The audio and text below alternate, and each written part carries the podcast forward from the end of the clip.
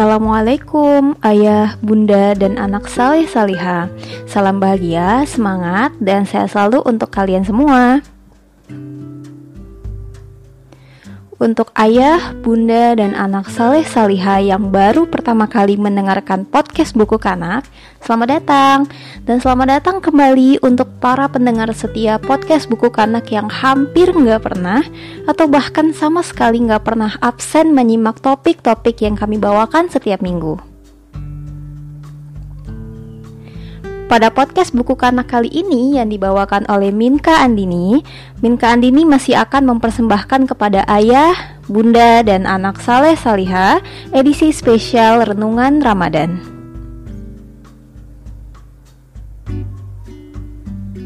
Di dunia ini, adakah manusia yang tidak pernah merasakan amarah di hatinya? Adakah manusia yang semalaikat itu sampai tidak pernah membenci satu orang pun dalam hidupnya? Tentu mustahil ya ayah, bunda, dan anak saleh saliha. Rasulullah Shallallahu Alaihi Wasallam yang sangat baik budi pekertinya saja pernah marah, bahkan memarahi orang lain, sekalipun caranya masih sangat santun dan berbeda jauh dari kita yang manusia biasa ini. Jadi, setiap manusia pasti pernah marah. Tapi, apakah itu menjadi alasan bagi kita untuk selalu larut dalam amarah? Jangan karena marah ini alamiah, kita jadi membiarkannya. Ada obat mujarab untuk membantu menghilangkan amarah, yaitu dengan memaafkan, menerima, dan mengikhlaskan. Oleh karena itu, pada podcast buku kanak edisi Renungan Ramadan episode kali ini, Minka Andini akan membahas tentang memaafkan, menerima, dan mengikhlaskan. Simak sampai habis ya.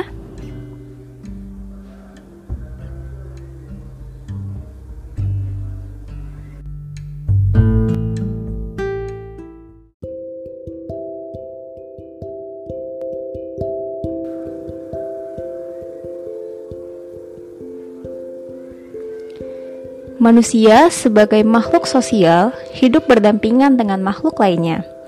Manusia yang dikatakan sebagai makhluk mulia dan istimewa ini memiliki susunan kompleks yang beragam. Bahkan dalam satu keluarga saja ada jutaan cabang pendapat yang tidak seragam. Oleh karena itu, kita tidak bisa berharap semua orang sepemikiran atau benar-benar satu tujuan. Dari situlah sering kita bersinggungan. Terciptalah konflik yang saling bertubrukan. Hasilnya, emosi tersulut, amarah berkemelut, dan kita bisa saling ribut. Amarah pasti terjadi, dan itu tidak bisa dihindari. Tapi, patutkah kita memakluminya? Setiap kali amarah hadir di hati, bolehkah kita mendiami? Membiarkan rasa itu merangkak perlahan dan menjadi benalu dalam nurani hingga membusuk dan menyakiti hati ini. Allah saja Maha Pemaaf, masa kita tidak? Sudah sering mungkin kita dengar ungkapan semacam itu, tapi apakah benar-benar membantu? Biasanya, kita malah membisiki diri sendiri bahwa tidak apa-apa untuk menjadi sakit hati, untuk membenci, karena kita ini bukan Tuhan. Kita ini hanya manusia yang syarat akan kekurangan. Jadi, wajarlah jika kita marah dan sukar memaafkan. Ya, ungkapan itu tidak benar-benar membantu agar kita lebih mudah untuk memaafkan, menerima, dan mengikhlaskan. Oleh karena itu, kita butuh strategi baru yang lebih jitu. Apa itu? Pertama-tama adalah dengan menerima bahwa memang benar kalian merasakan amarah dan membenci. Bila perlu, katakanlah kepada orang yang bersangkutan dengan alasan-alasannya. Ungkapkan semuanya, sejujur-jujurnya dan segamblang-gamblangnya dengan menerima bahwa kita tidak sempurna, bisa marah, dan merasa terluka, hati kita akan jauh lebih lega. Dari kelegaan itulah akan tercipta ruang untuk memaafkan. Tantangan berikutnya mungkin ketika reaksi orang yang kalian benci tidak sejalan dengan ekspektasi. Setiap penerimaan orang bisa berbeda-beda. Ada yang langsung meminta maaf, tapi ada pula yang malah membela diri, bahkan balik memarahi. Ketika yang kita terima malah cercaan kembali, jangan berhenti dan malah pergi. Dengarkan semua curahan hatinya. Pahami baik-baik setiap maknanya. Mungkin dari setiap kata-kata itu ada jawaban yang kalian tunggu. Jawaban yang bisa menyembuhkan hati kalian. Langkah selanjutnya adalah berprasangka baik. Inilah langkah yang paling sulit.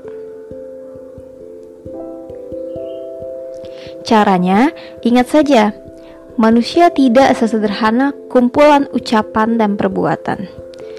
Ada juga unsur pikiran dan juga perasaan. Sementara otak kita memiliki banyak keterbatasan.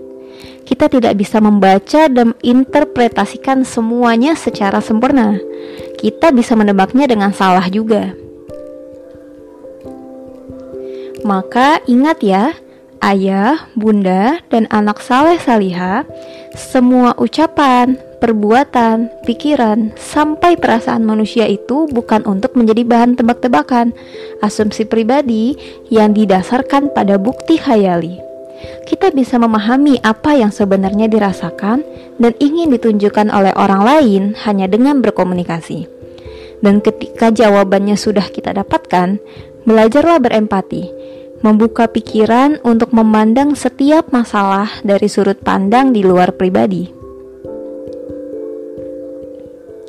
Kalian punya perasaan, pikiran, dan alasan dari setiap itikat yang kalian tunjukkan, karena kalian adalah manusia. Begitu pula orang lain. Apa yang benar bagimu belum tentu benar bagi orang lain.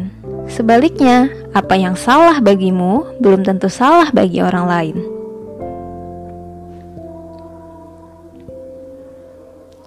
Isilah ruang dari kelegaan yang sebelumnya kamu dapat dari mengekspresikan diri itu dengan prasangka-prasangka baik, memahami, lalu memaklumi. Lepas semua keinginan untuk menghakimi. Belajarlah untuk lebih menghargai.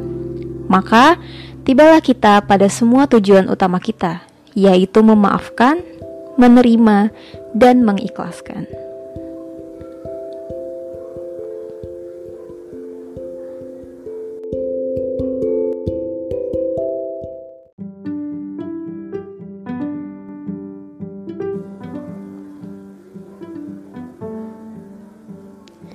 Memaafkan bukan perkara mudah, tapi kalau tidak dicoba, Mana mungkin bisa? Yuk, ayah, bunda, dan anak saleh salihah, belajarlah memaafkan orang di sekitar kita demi kebaikannya dan kebaikan diri sendiri juga.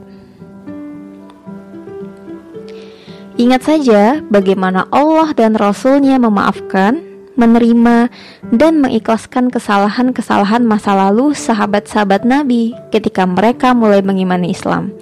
Bagaimanapun, kita harus berusaha mencontoh Allah dan Rasulnya bukan?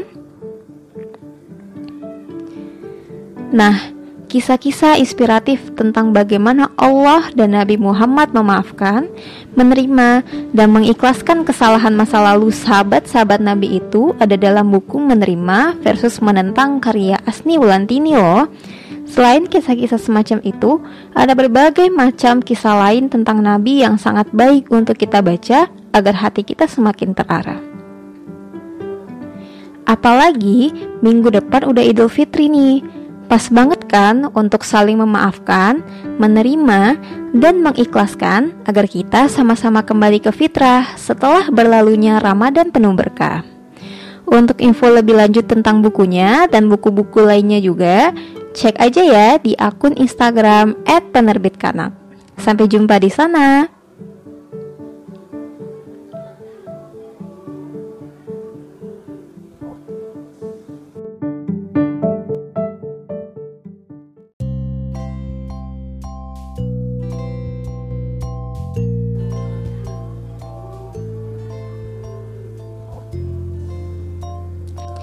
Ayah, bunda, dan anak saleh saliha, nggak terasa nih, kita sudah tiba di penghujung podcast Buku Kanak episode kali ini.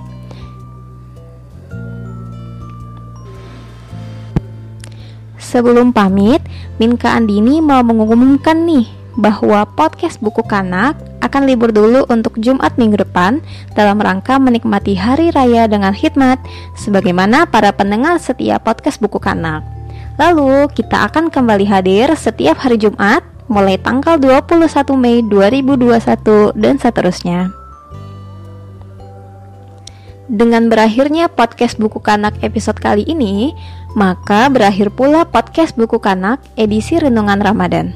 Tapi tenang, podcast Buku Kanak akan terus menyajikan topik-topik baru yang gak kalah menarik, informatif, dan edukatif. Jangan lupa juga jaga kesehatan dan jaga terus prokesnya di mana pun dan kapan pun kalian berada. Juga tetap semangat berpuasa di beberapa hari terakhir ya.